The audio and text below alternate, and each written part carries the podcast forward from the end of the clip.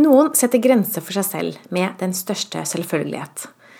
Mens andre syns det er veldig vanskelig å sette grenser.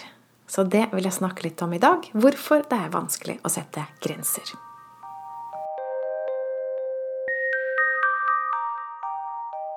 Jeg heter Line Strandvik og jobber online som personlig veileder.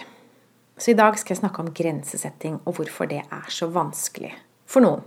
Det har vært vanskelig for meg. Og tema, eller Grunnen til at jeg kom til å tenke på det her, at jeg må lage en podkast om det Jeg har egentlig tenkt på det før. Men det kom i samtale med en annen fyr. Jeg har nemlig blitt intervjua av Dag Thomas Rogstad, som har en podkast som heter 'Podkasten uten navn'. En kjempebra podkast, syns jeg, som jeg har fulgt med på. Og jeg var veldig heldig som fikk lov til å være med, så det er jeg veldig takknemlig for at jeg fikk lov til. Og det vi snakka om, det er hvordan du kan vekke folk. Hvordan få andre til å se at de blir lurt. Som det står i teksten her, jeg kan lese opp I et forhold med en narsissist blir du manipulert ved hjelp av lovebombing, gaslighting, projeksjon og andre hersketeknikker. Etter at du selv har skjønt det, kan det være frustrerende å se at de du er glad i, fortsatt befinner seg i narsissistens grep. Hva kan du gjøre for å vekke dem? Så det her hadde vi en lang og god snakk om. Nesten to timer snakka vi. Og hvis du har lyst til å høre hele, så kan du søke på podkasten uten navn på YouTube og på Apple Podkast og sikkert andre steder som ikke er oversikt over. Men altså Vi snakka om narsissistens hersketeknikker. Og én hersketeknikk, det er utfrysning. At du blir møtt med en isfront. At du ikke blir snakka til før du føyer deg. Og dette kan blandes sammen med grensesetting. Og det var det vi snakka litt om, og prøvde liksom å finne litt hva er forskjellen på grensesetting og utfrysning. Og det er virkelig en forskjell, og det er viktig at vi vet forskjellen. Fordi hvis vi tror at det vi driver med er utfrysning, så slipper vi opp grensene. Så hva er forskjellen? Utfrysning, det er noe som blir gjort for å straffe deg, for å få deg på plass igjen. Mens grensesetting sier at du f.eks. må blokkere en person som plager deg, som spammer deg. Eh, det er ikke utfrysning, det er grensesetting. Og hensikten er ikke å tvinge personen på plass. Hensikten er rett og slett bare å beskytte deg selv og holde støyen på utsiden. Så det, ja, det er et eksempel på hva som er forskjellen. Men det er fort gjort å bli forvirra, og det er akkurat det som er litt av greia. Grensesetting er vanskelig når vi er forvirra og ikke helt vet hvor grensa går, og hva vi kan tillate oss, og hva vi ikke kan tillate oss.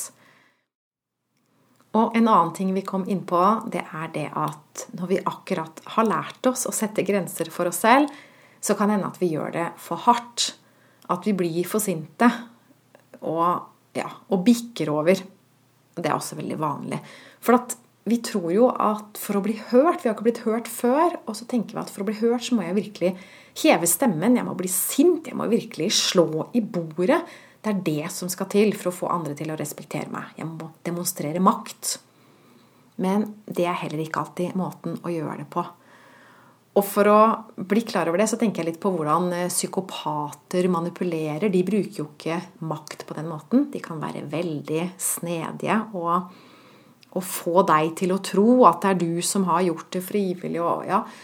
Så du trenger virkelig ikke makt for å sette grenser for deg selv. Du trenger bare å si nei på en enkel måte. Men det er ikke så lett hvis ikke vi har trent oss opp til det.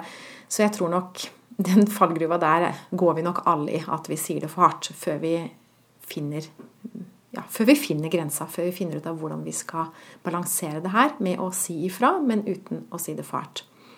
For det vi tror, da, er hvis vi, hvis vi setter oss respekt, hvis vi liksom ja, virkelig kjører på her, så vil vi få andre til å respektere oss. Men det, det er ikke alle vi kan få til å respektere oss. Så når vi skal lære å sette grenser, så må vi finne ut av hvem er det vi skal sette grenser ovenfor. Er det en person som skjønner det på første forsøk? Eller er det en person som du må si mer til? Eller er det en person som aldri kommer til å respektere deg, uansett hvor bra du sier det? Det kan ta litt tid å finne ut av. Og det er det som er greia med å oppdage at den personen du har ovenfor deg, er en narsissist. For da er det nemlig sånn at det går ikke. Du kan ikke få personen til å respektere deg. Du kan ikke få alle personer til å respektere deg. Men det som er viktig i enhver situasjon, det er selvrespekt. Det er at du respekterer deg selv. Så hvordan kan du respektere deg selv hvis du står ovenfor en person som ikke respekterer deg? Det hjelper ikke å bli sint. Det er da du må gå vekk fra situasjonen. Og i verste fall så må du forlate personen og aldri se deg tilbake. Det er i de ekstreme tilfellene.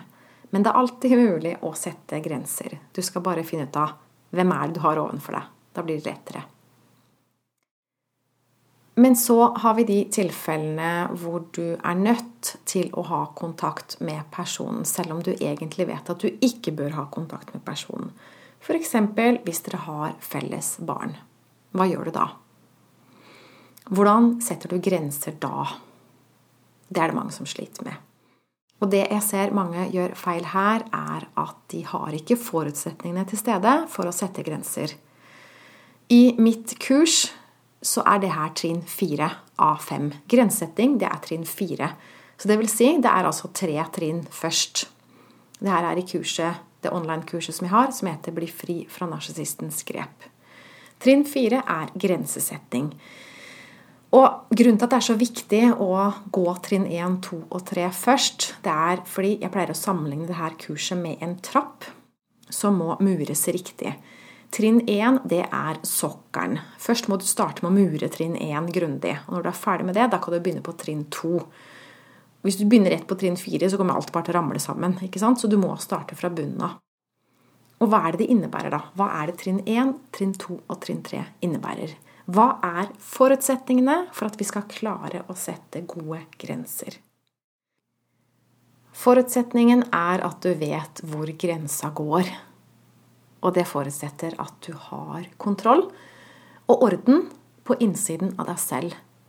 Du har god kontakt med følelsene dine. Du stoler på følelsene dine. Du har helbreda gamle sår. Og du har klarhet i hodet. Så du vet hva som er riktig og galt. Du vet hva som er mitt og ditt. Og du vet hvem du selv er. Du har funnet tilbake til den ekte deg. Så som du kan se, er det ganske store ting vi trenger å rydde opp i før vi blir i stand til å sette grenser. Så hvis du syns det er vanskelig å sette grenser, så forstår du hvorfor. Så ikke døm deg selv for det, men lær heller hvordan du gjør det. Og når er det det er viktig å sette grenser? Det er når eh, vi står i noen vanskelige situasjoner, når det er noen relasjoner, og det er gjerne nære relasjoner. Det er gjerne relasjon til vår nære familie. Eller det kan også være på arbeidsplassen, for det er jo også en form for familie. Vi er, kan være like bundet sammen der vi må gå dit hver dag. Eller vi, ikke jeg, men de som har en arbeidsplass da, hvor de møter faste mennesker, de må gå dit hver dag. Og hvis det er noen mennesker som går dem på nervene der, så er det på tide å lære å sette grenser. Vil du lære å sette grenser for deg selv?